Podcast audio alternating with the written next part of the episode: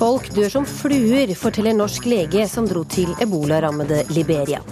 Røykeforbud på togstasjonen er ren moralisme, mener Dagbladets Martine Aurdal. Røykerne burde slippe å røyke offentlig, mener Farmen-programleder Gaute Grøtta Grav. Og du skal ikke ha dårlig samvittighet for klimaendringene, mener Hollywood-stjerna Emma Thompson. Hun er på Svalbard for å se klimaendringene selv. Jeg heter Linn Beate Gabrielsen og skal følge deg gjennom denne timen med ukeslutt. Men først siste nytt ved Elise Heisel Asbjørnsen. Og Vi begynner i Hareid i Møre og Romsdal, der politiet har startet drapsetterforskning. En mann er siktet etter at en annen mann ble funnet død i et hus i går. Begge er i 20-årene, og offeret må identifiseres med DNA og tannbilder, sier fungerende politimester Ingar Bøen. Grunnen til at vi ikke har en sikker identifisering, er bl.a. at den omkomne er ille tilrett. Vedkommende mangler flere kroppsdeler. Den sikta er norsk statsborger. Han er heller ikke over. I Ukraina tror myndighetene at Russland har prøvd å sende militære styrker inn i landet forkledd som humanitær hjelp. Ukraina mener å ha stanset en enorm russisk konvoi på grensen. Russiske myndigheter har ikke kommentert påstandene. Uganda anker avgjørelsen om å oppheve landets omstridte homofililov. Loven åpner for å straffe homofile med livsvarig fengsel. En grunnlovsdomstol bestemte å fjerne den, men loven var populær i befolkningen, og landet vil nå ha den tilbake. Menneskene som har søkt tilflukt på et fjell i Irak, har nå fått nødhjelp. Amerikanske fly har i dag sluppet mat og vann over Sinjar-fjellet. Der er nesten 50 000 flyktninger i steikende sol på sjette døgnet etter å ha flyktet fra islamisthæren til ISIL. Her hjemme oppgraderer meteorologene nå værvarslingene om storm på Vestlandet i dag til ekstremværvarsel. Det er uvanlig for august. Folk bes holde seg borte fra sjøen og feste løse gjenstander. I Nigeria er nå to nye personer smittet av ebola. 139 er lagt inn på isolat der, Linn Beate. Og nesten 1000 mennesker har dødd av ebolaepidemien så langt i år, nå klassifisert som en internasjonal krise av Verdens helseorganisasjon. Mens mange nå helst vil holde seg unna de hardest rammede områdene, så gjorde Shariar Atay det motsatte. Han dro ned for å hjelpe. Altså jeg kommer ihåg at jeg skrev til en kompis på Facebook mens jeg var der nede. Uh, så sa jeg bare det at folk bare dør som fluer her. Det er bare noen dager siden legen Sharia Ratai kom hjem fra Liberia. Hele juli jobba han morgen til kveld som frivillig på et sykehus i hovedstaden. Det skulle bli en måned med død. Når jeg tenker på det, er det litt sykt. Man, man blir jo vant til det. Og man eh, Jeg prøver å ha en profesjonell rolle når jeg møter døden. Og når jeg har synet lik, og når jeg har sett pasienter dø, og når jeg har hørt mine, at noen av mine pasienter som har dødd på sykehus senere, eller noe sånt. Eh, det er klart at det kommer inn litt på en. En av de første han møtte på sykehuset, var direktøren, brother Patrick. Man kunne se på hans ansikt at han hadde en eh, han hadde et vennskapelig ansikte. Vennlige og profesjonelle brother Patrick skulle vise seg å bli en av dem som gjorde et sterkt inntrykk på Thai. Mer om det seinere. Beatrice Day sitter på en brun kjøkkenstol i tre. Foran seg har hun en filofax med telefonnummeret, og rutinert slår hun nummeret til søsteren. På linje fra Liberia får hun siste nytt. For henne er det vanskelig å høre om familiens frykt for epidemien. Alle er veldig redd, veldig redd, fordi akkurat nå, med en gang du får sånn symptomer som malaria, alle begynner å løpe fra deg. Din egen familie, alle bare forlater deg med en gang. Fordi de vet ikke forskjellen mellom ebola nå og malaria. Så jeg syns det er veldig trist. Hver dag etter jobb ringer hun familien og får høre om kaoset som råder i landet, der innlagt strøm og vann er en fjern drøm. Det eneste jeg kan gjøre, er å bare si til dem holde seg hjemme, og så vaske hendene. Og så sørge for, for at du har nok mat hjemme, at du skal ikke gå i butikken for å gå og handle. Holde seg unna der det er så mange folk. De er fortvila over hvordan hjemlandet håndterer epidemien. Du har sett på TV der de ebola-folk ligger. Du har sett sånne tett de har bygget. Der, der er det så primitivt. Hvordan man skal bygge sånne tette folk. De kunne bygge noe bedre. Fordi vi snakker om bakterier, desinfeksjon, you know, sånne ting. Det går ikke an. Fordi jeg syns staten må bruke litt mer tid på sin egen folk. Syke og døde blir forlatt i gatene, og staten gjør ikke nok, mener Day. Nå vil hun samle inn penger og utstyr og sende til hjemlandet. For for et fattig land som Liberia er en epidemi som ebola ekstra vanskelig å hanskes med. Det veit Atai alt om. Det sykehuset jeg jobbet på, det var jo primært et privatsykehus. Eh, og det kostet altså Om en pasient ville få en vurdering av en lege, så kostet det fem dollar, amerikanske dollar. Ja. Og eh, ofte ble, det sånn 15-20 dollar om de ville ta litt blodprøver og litt sånn røntgen av lungene og litt utredning. Og det har jo veldig mange ikke råd med. Det er jo utrolig mye penger for dem. Og i mange tilfeller så eh, kanskje jeg anbefalte pasienten ok, nå må du ta blodprøve, nå må du ta ultralyd av magen, nå må du ta røntgen av lungene eh, eller EKG. Og eh, så kanskje pasienten bare plutselig sa men du, jeg har ikke råd, så du må velge en av disse, disse tingene. Eh, så jeg måtte liksom prioritere det jeg følte var viktigst. Ved infeksjonsmedisinsk avdeling ved Oslo universitetssykehus er det verken mangel på plasthansker eller utstyr som hindrer smittespredning. For overlege Arne Broch Brandsetter er det hektiske dager. Dette er en veldig dramatisk situasjon. Det har aldri tidligere vært et så stort utbrudd av ebola. Vi har sett spredning så langt til, til fire land. Eh, og det er mange andre fattige land i området som eh, det vil være en katastrofe for om viruset skulle komme til å, å gi utbrudd også der. Brandsetter jobber for at Norge skal være best mulig rusta dersom viruset kommer hit. Men som lege i Norge står han overfor helt andre utfordringer enn kollegaene i Vest-Afrika. Det at det er fattige land med dårlige hygieniske forhold, det er klart noe som bidrar til at eh, sykdom kan spre seg, slik som vi har sett i Afrika. Eh, likeledes er det på sykehusene en, eh, en, dårlig hygienisk standard. Innlagt vann er ikke så vanlig der heller. Mange av sykehusene har ikke strøm engang. Og, og hansker og annet vanlig beskyttelsesutstyr som vi tar som en selvfølge her hjemme, er ikke tilgjengelig. Og Det medfører også at mange helsearbeidere dessverre har blitt smittet der nede. Tilbake til den solfylte grønne parken i Oslo, langt unna kaoset på sykehuset i Liberia. 29-årige Atai myser mot sola mens han tenker tilbake den, det sterkeste minnet jeg eh, fikk fra en pasient som siden fikk, eh, man kunne bekrefte ebola på, det var jo egentlig sykehusdirektøren. For det skulle vise seg at brother Patrick skulle bli den siste pasienten Atai undersøkte før han satte seg på et fly til et feriestille Oslo. Dagen etter at han landa, fikk han beskjed om at Patrick hadde dødd av ebola. Framfor alt ble jeg lei for han, at en så utrolig fin mann plutselig var død. Det var jo ufattbart. Og Eh, men eh, sen tenkte jeg på meg selv også. Litt redd ble jeg først. Og jeg tenkte igjennom eh, hendelsesforløpet mens jeg var inne i, på hans rom. Altså hva skjedde, hva gjorde jeg? Hvordan, eh, ja, hvordan gjorde jeg ting? Hva gjorde jeg med mine hansker? Eh, vasket jeg hendene? Og etter at jeg har tenkt på det, så eh, tenkte jeg at det er ikke logisk at jeg har blitt smittet. Etter oppholdet i Liberia har Atai hatt problemer med å sove. Jeg har ligget eh, lenge og tenkt veldig mye på nettene her.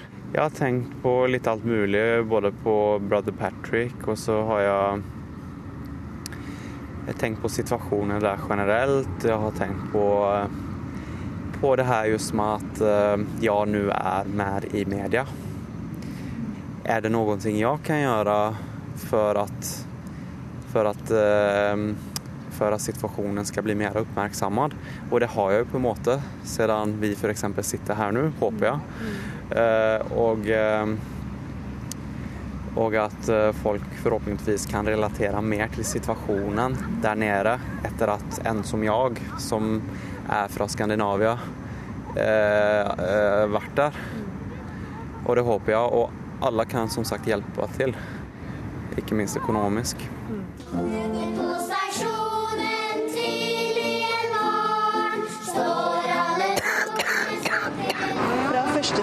Så skal det ikke være lov å oppholde seg her og røyke. Nei. Hva syns du om det? Ja, det syns jeg er helt greit, ja. Jeg syns dette er voldsomt. Ja. Det lukter ekkelt. Og jeg liker å ikke røyke det hele tatt. Av helsemessige grunner så sier vi at det er bra. Det er litt rart at man skal kunne få lov å røyke, og samtidig ikke røyke noe sted.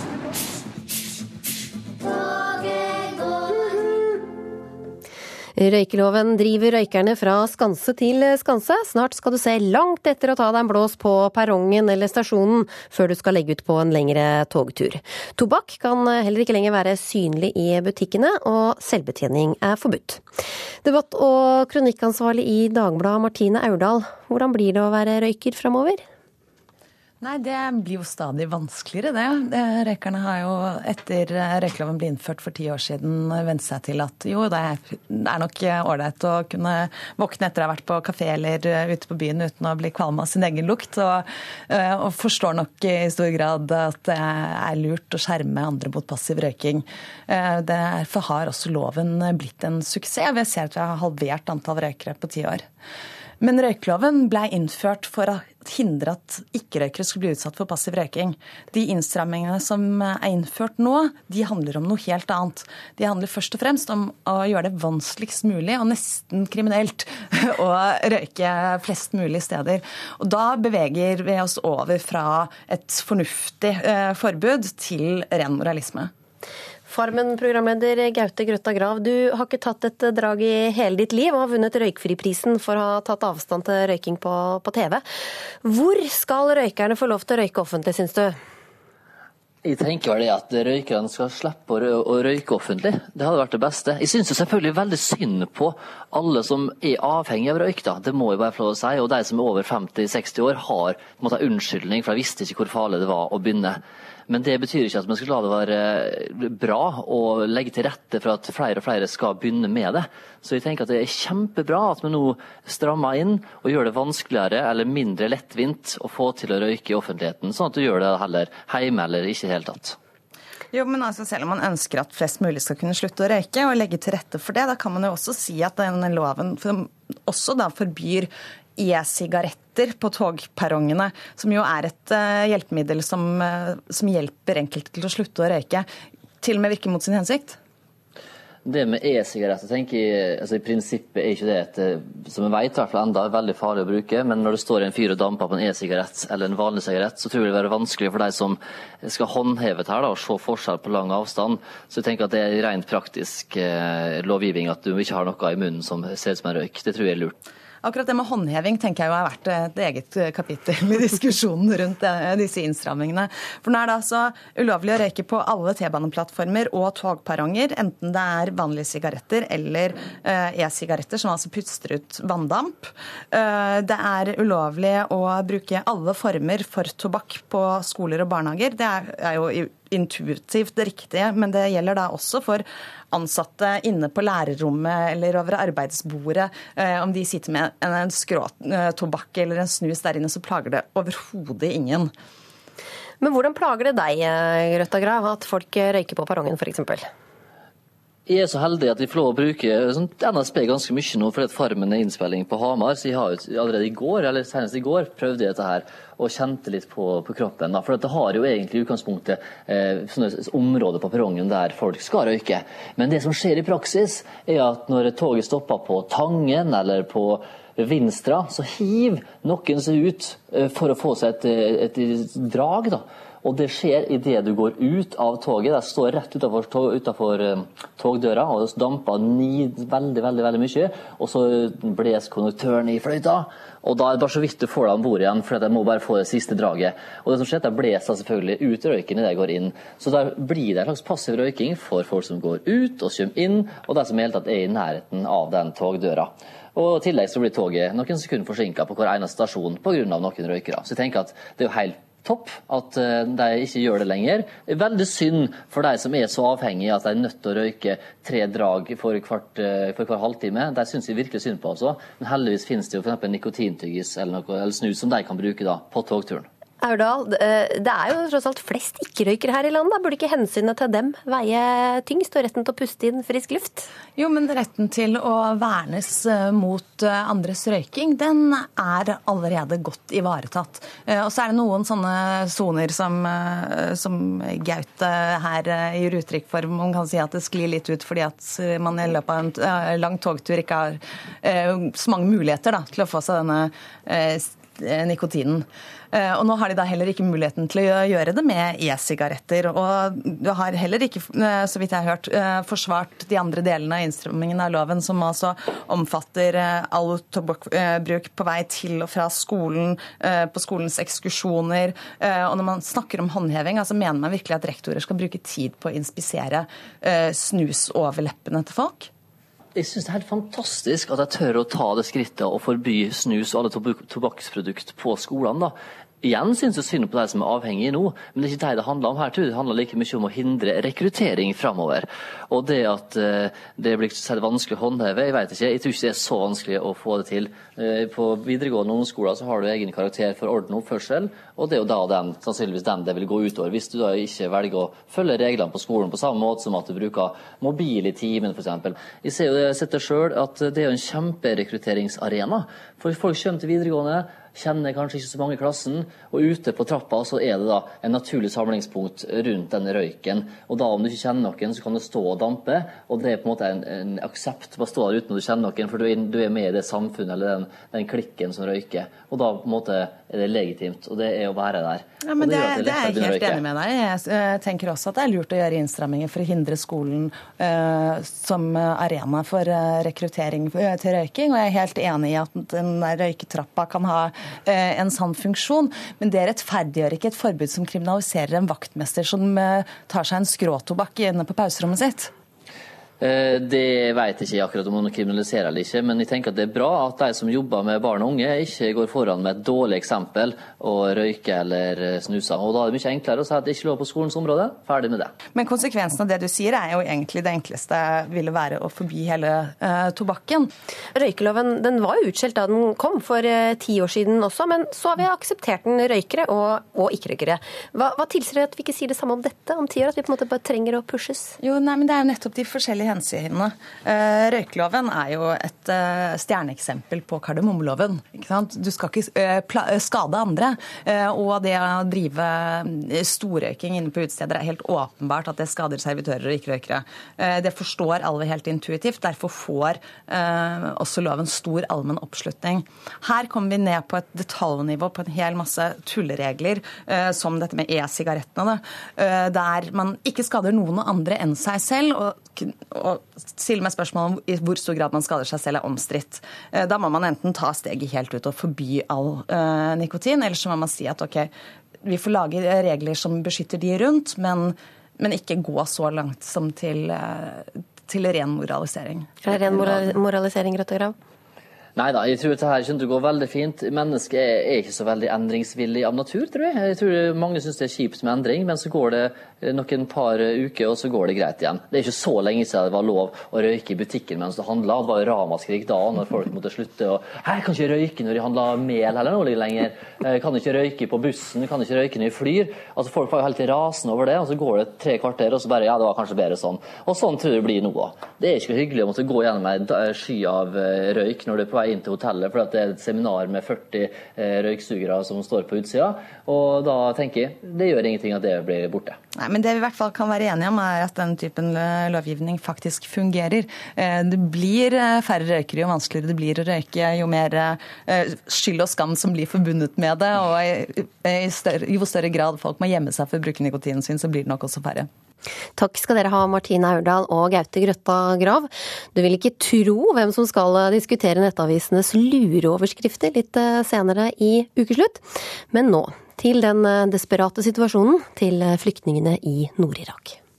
Det er snakk om tusenvis av mennesker i en sårbar og fortvilet situasjon. Nå har det vært to runder med amerikanske fly som har, har sluppet ut pakker med mat og vann, men det er helt uklart hvordan, hvordan det har nådd fram, og om det, har, om det fortsatt er like ille der som det var før disse amerikanske flyene slapp mat og, og drikke ned. NRKs korrespondent Sigurd Falkenberg Mikkelsen sa dette tidligere i dag. Han er nå på vei til Nord-Irak.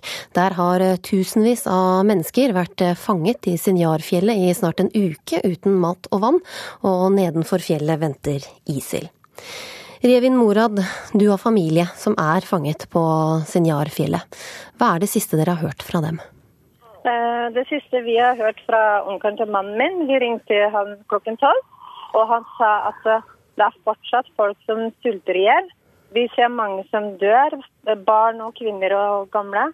Eh, men nå, den siste gode nyheten vi fikk fra han, var det at 50 eh, 000 personer har blitt reddet fra Sinjar-fjellet via de syriske Eh, styrkene, eh, soldatene, da, de har reddet dem. De har, en, de har, åpnet en vei fra Syria, og de frakter da de menneskene via grensen til Syria og inn til Syria, og så videre inn til Daho.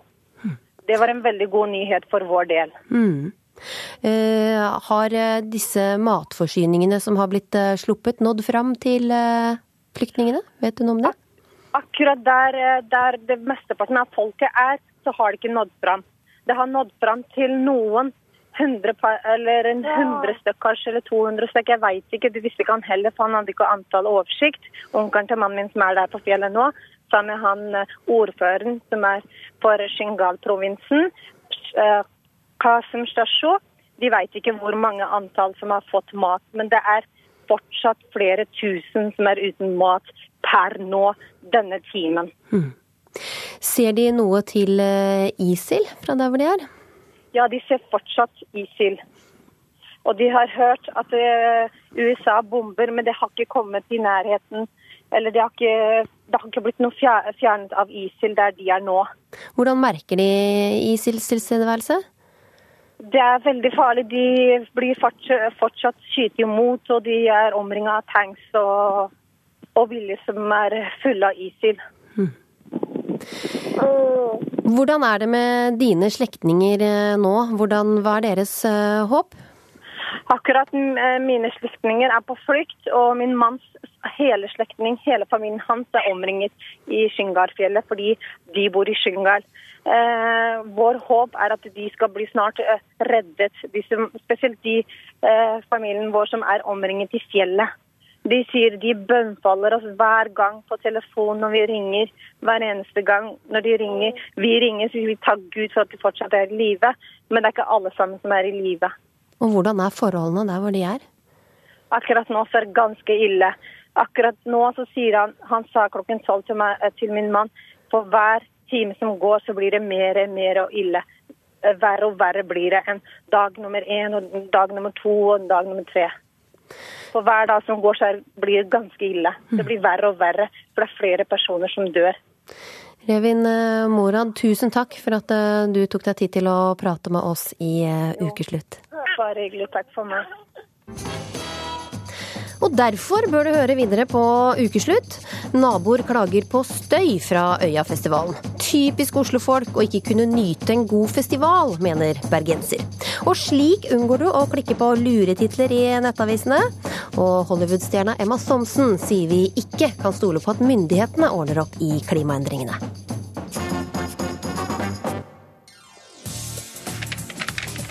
Derfor går du ikke ned i vekt. Slik får du sove i sommervarmen. Slik får du Justin Bieber til å følge deg. Sara ventet på kofferten i fire dager. Du vil ikke tro hvor hun fant den. Slik får du sprettrumpa til Tone. Ti lenker du ikke må klikke på. Du har eh, kanskje også latt deg lokke til å klikke på ulike pirrende klikkmagneter. Kanskje har du også blitt skuffa når du har klikka deg inn og det viser seg at eh, svaret på 'slik får du sove i sommervarmen' er å droppe dyna og sette på en vifte. Magnus eh, Forsberg, du er en av hodene bak Twitter-kontoen Ikkeklikk, som nettopp avslører svarene bak klikketitlene, så folk kan slippe å klikke. Hva er problemet med disse klikketitlene? Problemet er vel eh, todelt. En det er litt irriterende. Det, det, føles som å bruke mange ord når man kunne sagt det med få. En annen er at det brukes veldig ofte til å dekke over det jeg tror Gunnar Stavrum ville kalle loff i journalistikken. At det er hvis du hadde svart på spørsmålet i tittelen, så hadde egentlig ikke artikkelen vært noe lenger. For det er bare det som er artikkelen. Og det er kanskje enda mer irriterende, at man selges loff til eh, prisen av grovbrød, da, for å si det sånn. Gunnar Stavrum, ansvarlig redaktør i, eh, i, Nettavisen. Et eksempel fra dere. Slik unngår du å svette i varmen, og svaret er bruk deodorant og ha på lette klær. Er ikke det å lure leserne litt av? Det er sikkert eh, gode svar på å unngå 70 var, men, men, eh, jeg tenker at vi egentlig snakker om to ting her. Eh, vi snakker om, om loff, altså type journalistikk uten reelt innhold. Og så snakker vi om, om hvordan du anretter innholdet ditt sånn at du får mange til å lese det. Det du kan kalle for dramaturgi. Jeg syns jo ikke-klikk er en veldig bra korrektiv. og også tar oss på kornet noen ganger, ikke bare nettaviser, men nettaviser generelt. Samtidig som jeg syns at dramaturgi er bra. Altså Det er bra at vi gjør, legger fram innholdet vårt sånn at vi får mange til å lese det. For det er jo derfor vi driver med journalistikk. Vi ønsker jo å få mange til å lese stoffet vårt. Så det er, det er litt todelt eh, mitt syn på, på, det å lage fengende titler. Men lurer ikke ofte leserne at det ikke er så veldig mye? Det er loff, som man sier? Nei, men altså, de færreste kriminalromaner begynner med at det var butleren som gjorde det. Belønninga for å lese, lese kriminalroman det er jo at svaret kommer til slutt. Og Det er jo ikke noe spesielt for nettjournalistikken. Det gjelder jo radiojournalistikk vil f.eks. overdrive konflikter i, i, en del saker. Fjernsynsjournalistikk vil, vil, bruke bilder til å lage dramaturgi. Så dramaturgi er det i all form for journalistikk. Eh, men sånne typer artikler som egentlig ikke har noe innhold, som bare er bare er eh, de blir jo enda verre med å lage lokketitler som får folk til å bruke tid på det. Hvem er det som er eh, verstingene her, da?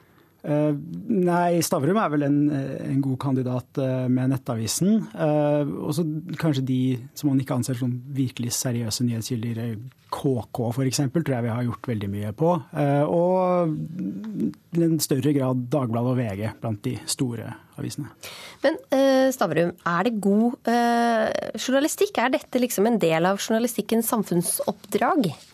Altså, vi må igjen dele eh, de to tingene vi snakker om. For Hvis, du, hvis vi snakker om eh, om det er god journalistikk å gjøre innholdet tilgjengelig for flest mulig, så vil jeg si det er åpenbart en viktig del av journalistikken. Altså, eh, for å ta et eksempel. Vi, uh, har dekket, vi skriver mye om utenriks, uh, men utfordringa med å drive nettavis er at vi ser hele tiden hvilke artikler som folk leser og ikke leser. Hele tiden, fra sekund til sekund. Vi kan skrive masse om Gaza, vi skrev masse om Kongo. Vi opplevde at ingen leste det. Det er klart, Da må vi oppføre oss litt som det jeg kaller å være en tyrkisk frukthandler. Altså Du må ut og så må du pusse på frukten din for å få solgt den. Eh, og Det at vi får mange til å lese en artikkel eh, om Kongo eksempelvis ved å tilrettelegge den, det syns jeg er, er, veldig bra. Eh, det jeg ikke syns er så bra, og der jeg syns ikke-klikk er uh, irriterende morsomme, det er når de, når de, tar oss på ting som egentlig ikke er Det er ikke verdt uh, skjermen det står på.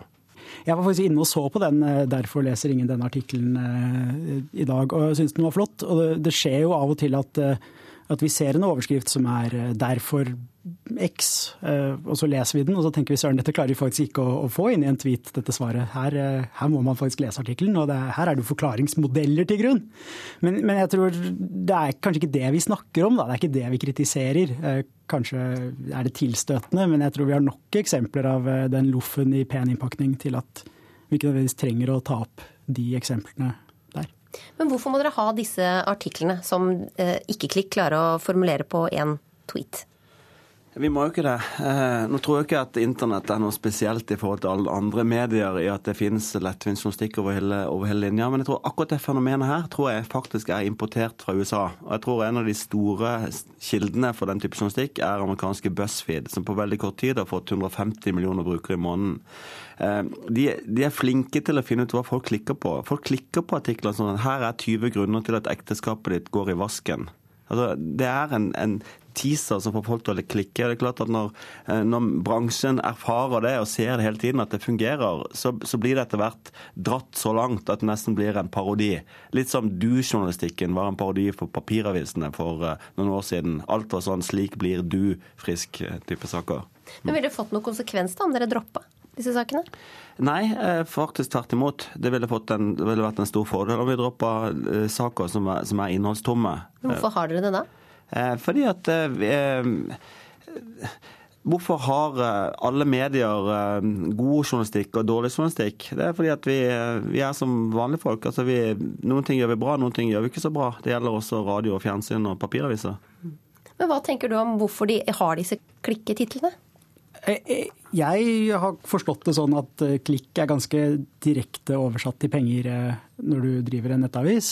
Men jeg, hvis jeg hadde lagd en nettavis, så hadde jeg også hatt lyst til at folk skulle klikke på den. Og hvis jeg hadde et triks som gjorde at det skjedde, så ville jeg prøvd det, jeg òg. Men jeg syns ikke det er noen unnskyldning for dårlig innhold. Er det pengene, Stavrum? Nei, det er ikke det. Men, men det, det, er tellingen. Altså, det er en gammel regel som sier at det du måler, det, det, blir det styrt etter. Og når du sitter og faktisk vet hele tiden hvor mye hver enkelt sak på en forside leser, så blir det veldig lett til at det blir styrende. Det er ikke bra, men det er sånn. Men dere blir mer attraktive for annonsørene hvis dere har mange klikk? Ja, men det viktigste for oss det er å få opp antallet personer som er innom vår forside hver dag eh, i snitt hele tiden. Om vi får noen sidevisninger ekstra på en dårlig artikkel, så er den faktisk negativ eh, kommersielt, egentlig. Men hva slags saker er det du klikker på sjøl, da? Hva kan lure deg inn? Jeg, jeg syns jo ofte det er interessant å lese sånne type saker som handler om ting som er nær meg. Altså lommebok, jobbting, familieting. Hvis det hadde stått 'denne superstjernen skal til Vålerenga', så hadde jeg garantert klikket på den artikkelen. Og da skulle jeg ønske at det var noe reelt innhold i det. Tusen takk skal dere ha for at dere kom til Ukeslutt. Denne uka har Øyafestivalen brakt liv og røre, mange desibel og ølkraner til Tøyenparken øst i Oslo. Men ikke alle synes det er en fest. Flere naboer har klaget over støy, og noen har til og med måttet reise ut av Oslo pga. festivalen. Vår reporter Maria Lavik har sjekket hvordan det er å få en stor festival nærmest på dørstokken.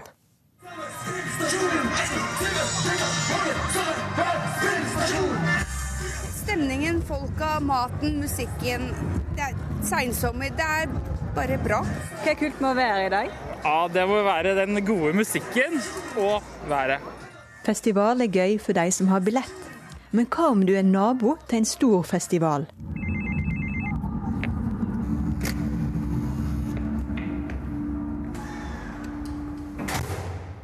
Det blir mye trommer og bass.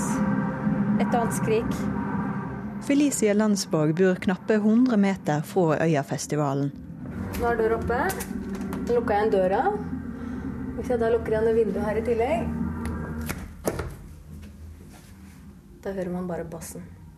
Det var ganske fint. Men nå blir det ganske varmt her. Det blir litt varmt her da, ja. I hvert fall på ettermiddagen når sola står rett på, for det er vestvendt. På Facebook lufter Felicia frustrasjonen over å bo så tett innpå en stor festival.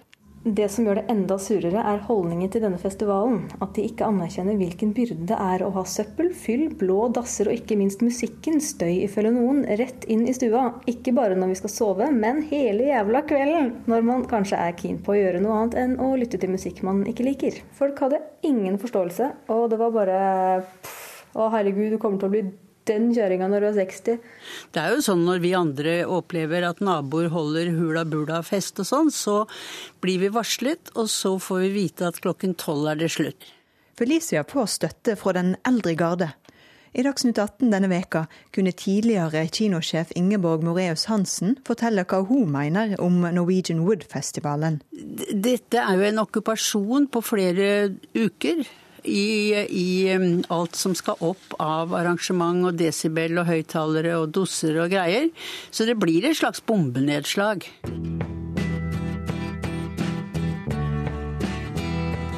Nå sist hadde vi tolv Ships Races her. 600 000 i Bergen sentrum på noen dager. Masse konserter. Vi hadde Neil Young nettopp på stor utekonsert midt i boligstrøk. Vi hadde Bergenfest før sommeren med fem-seks dager midt i Bergen sentrum. Roger Valhammer sitter i bystyret i Bergen. Han mener at festivalklaging må være et typisk Oslo-fenomen. Det kunne iallfall aldri skjedd i Bergen. Jeg kan aldri se for meg at jeg ville hatt medieoppslag på denne måten. Her vet vi hvordan vi skal lage en festival og folkefest, og eh, folk setter pris på det og vi er stolt av det. og Fest er best i vest. Takk. Ja, det som er litt morsomt, er jo at jeg nesten ikke kjenner meg igjen. Jeg bruker å være masse her til vanlig, og plutselig oppdaga at jeg gikk på do på Ring 2. Hvor kult er ikke det? Inger Johanne Sæterbakk bor på Tøyen, og hun er glad for at Øyafestivalen er plassert i nabolaget hennes. Tøyen er et sted der folk nærmest har gått i fakkeltog for å få flere ting til å skje. Når det da endelig skjer noe, når en stor og viktig musikkfestival som eh, Øya blir lagt til Tøyenparken, så syns jeg bare vi skal applaudere det og se på de mulighetene som kommer med det. Ikke de få tingene som kan være irriterende. Det må jo være litt sånn uvant for folk å bare plutselig få en eh, festival i bakhagen. Selvfølgelig er 15 000 festivalgjengere mer enn det vi er vant til, men jeg tør å påstå at Øyafestivalen har eh, kanskje Norges mest veloppdragne festivalgjengere. Har du dårlig samvittighet overfor de naboene som syns det blir for mye bråk? Åh, nå har jeg mulighet til å si det. Nei! Overhodet ikke, og jeg bor i det området her selv. Hva er det som er negativt med at så mange mennesker oppdager denne fantastiske bydelen, og det gjør de jo nå? De kommer, stå, de kommer til å stå i hopetall og ta selfies der borte. De kommer til å få vist frem borettslaget sitt på alle sosiale medier. Det er helt strålende å legge festivalen hit. Bak stengte vinduer har Felicia funnet fram til en løsning på problemet. Så det er klart, ja det er støy, men hadde jeg fått en billett og blitt vist at se så fint det er og så bra tiltak det er på Tøyen, og fire dagers støy er verdt den festivalen her, liksom. Det kunne vært noe jeg kunne satt pris på. Men da er det ikke så mye bråk, egentlig. Da er du bare litt misunnelig på de som er på festival? Bråket er jo der uansett. Det er noe med det.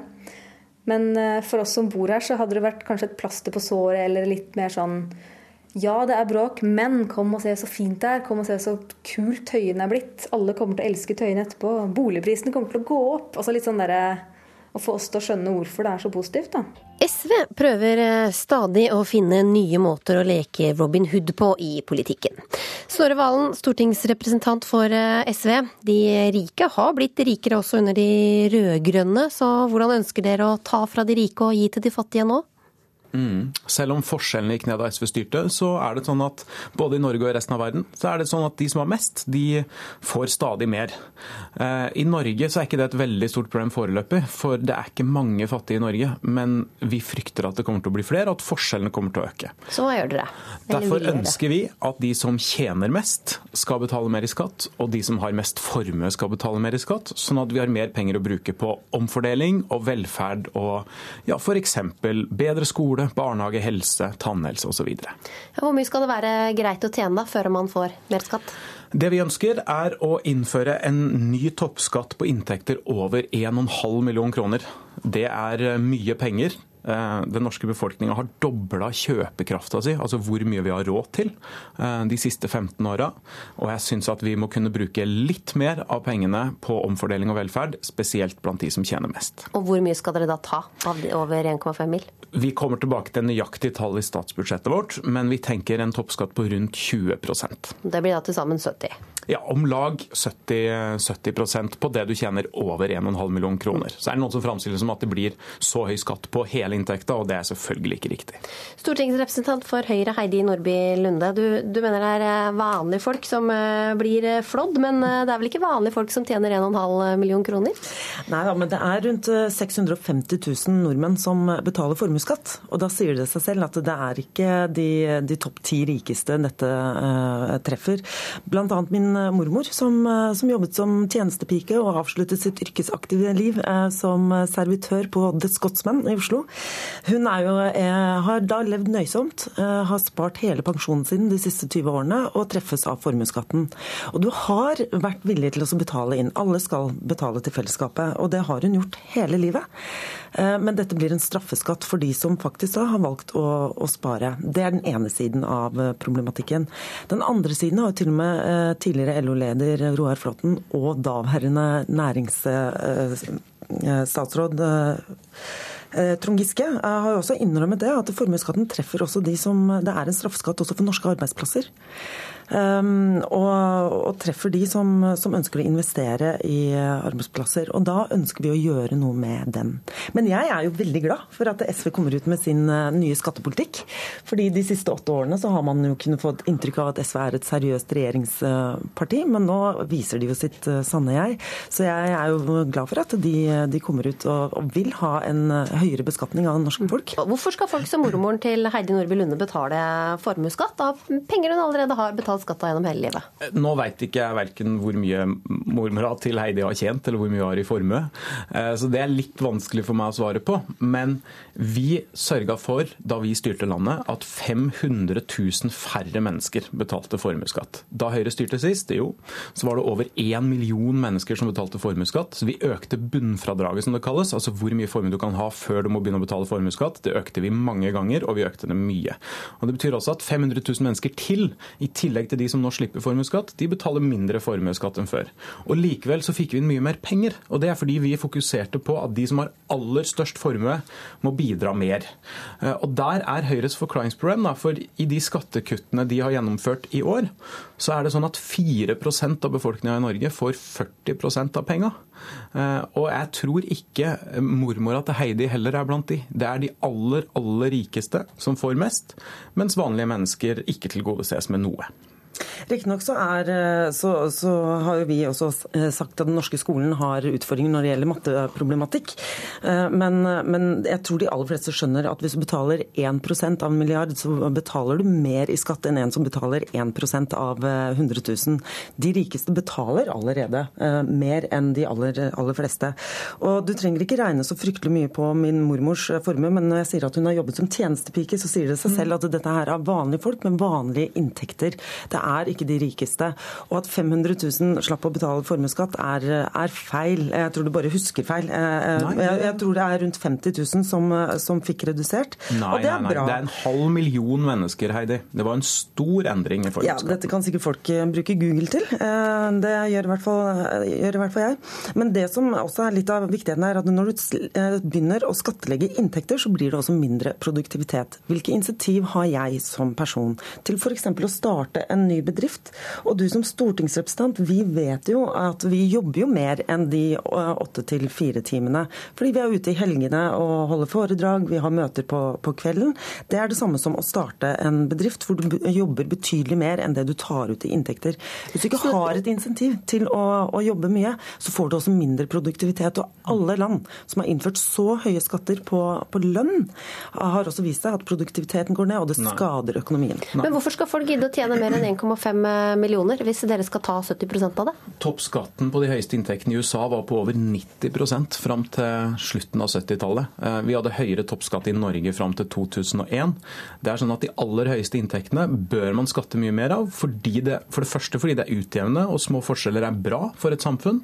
Og fordi det er omfordelende en forstand at du kan bruke mer penger på velferdstjenester Men det er jo lite, lite å hente da, på å tjene mer enn det? Nei. Eh, Nobelprisvinneren Joseph Stiglitz, som er økonom, og han er ikke sosialist, for å si det sånn, han sa sist han var i Norge at det er mye rom for å øke toppskatten mye mer.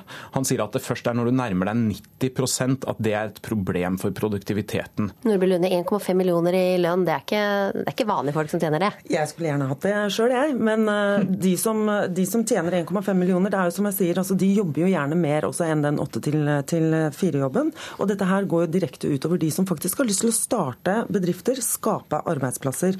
Men hvis vi skal snakke om det som uh, også virker utjevnende, så er jo faktisk den norske sosial, altså velferdsstaten er jo en av de mer utjevnende faktorene, nemlig det at man har en god skole som gir mhm. muligheter til barn og unge for å få seg arbeid. Og det at man faktisk beskytter også arbeidsplasser og skaper arbeidsplasser, er de to utjevnende uh, kategoriene som, som, man bør fokusere på. Men Hvordan skal dere klare å få penger til denne velferdsstaten, da, hvis dere, ikke, hvis dere kutter i skattene? Altså Statoil betaler jo mer inn til staten Norge enn det vanlige skattebetaler betaler inn i skatt. Uh, så velferdsstaten Norge har penger til å bruke, men det handler om hvordan man prioriterer de midlene. Val, hvorfor skal vi ta så mye skatt når vi har penger på bok? Fordi vi ikke skal bli Saudi-Arabia. Eh, det er helt useriøst å si at vi har masse penger i Statoil, så vi kan fortsette å bruke de, og så kutter vi i skattene. Det er sånn Saudi-Arabia og andre rike oljeland på den arabiske halvøya gjør. Det bør ikke vi gjøre. Og Det er fordi vi kan ikke leve av olja i all framtid. Vi har en overopphetet oljesektor allerede. Vi skal leve av andre ting i framtida, og da bør vi mye heller si hva slags velferdssamfunn vil vi ha? Hvor mye penger er vi villige til å bruke på det? Og så bør vi sette skattenivået deretter. Det er et spleiselag. Det er mye mer ansvarlig eh, og mye mer ryddig og mye bedre både for miljøet miljøet og for fordelinga. Og så kan man jo sjøl bestemme seg for hva man legger i begrepet vanlige folk. Jeg veit hvor jeg står, i hvert fall. Your secretary is very pretty. Is she? Be careful there. I am Nanny McPhee. I am Professor Trelawney. And the Oscar for Best Screenplay Adaptation is awarded to Emma Thompson. Sense and Sensibility. Den eh, Oscar-vinnende Hollywood-stjerna Emma Thompson, kjent fra Love Actually og Harry Potter, har den siste uka seilt med Greenpeace rundt Svalbard for å se klimaendringene der. Jeg snakket med henne på satellittelefon eh, tidligere i dag. Hun sier at eh, folk ikke skal ha for dårlig samvittighet for klimaendringene, for til syvende og sist er det den politiske viljen det står på. I mean that a lot of the time people say, well, of course, you greedy public, you want your petrol, you want your TVs, you want this, you want that, and that's why we do these things. That's why we give this to you. This is why we need to get the oil out of the ground because of you.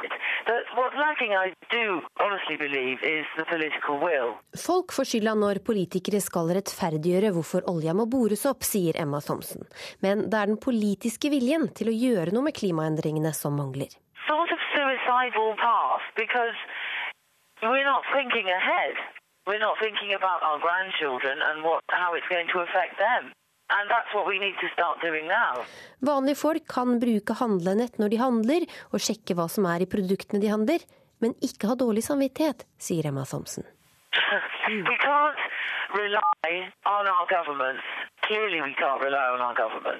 You have to take responsibility yourself, but don't beat yourself up. Um, because as soon as you do one thing, it's easy to do the next thing. Og det er eh, ekstremvær i, i, vente, har jeg skjønt, statsmeteorolog Espen Biseth Granan. Hvordan blir eh, helga? Ja, stemmer det. Vi har ekstremværet Lena som utover lørdag og først på søndag vil gi sterk vind og kraftig vindkast på Vestlandet sør for Stad. Så skal vi få et værvarsel som gjelder til søndag klokken 24. Først temperaturutsiktene. Søndag vil Sør-Norge og Nordland få uendret til litt lavere temperatur, ellers er landet uendret. Fjell i Sør-Norge får østlig opp til sterk kuling utsatte steder. Regn først i Langfjella. Søndag sørlig frisk bris, spredte regnbyger, periode med sol. Østland og Telemark. I kveld økning til sørvestlig stiv kuling på kysten, regn. Opphold lengst nord på Østlandet. Søndag sørlig bris, opphold og perioder med sol. Agder østlig frisk bris, på kysten sørøstlig stiv kuling, i kveld regner sørvestlig. Regn, lokalt mye nedbør. Søndag sørvestlig bris, enkelte regnbyger. Fra søndag ettermiddag østlig stiv kuling på kysten, etter hvert regn. Rogaland sørøst sterk kuling, i kveld liten storm i nord. Regnbyger utrygt for torden. Søndag sørlig frisk bris, regnbyger. Om kvelden sørøst stiv kuling steder og regn fra sør. Hordaland og Sogn og Fjordane økning til sørøst stiv kuling, senere sterk kuling. Etter hvert regnbyger, utrygt for torden. Til natten sørlig full og kan hende sterk storm utsatte steder, dreiende sørvest. Regnbyger, utrygt for torden. Fra søndag formiddag sørvest sterk kuling, minkende til sørøst frisk bris og enkelte regnbyger. Møre og Romsdal. I kveld økning til sørøst liten kuling, sent i kveld regnbyger. Natt til søndag økning til sørøst sterk kuling utadte steder. Dreiende sørlig med liten storm på Sunnmøre.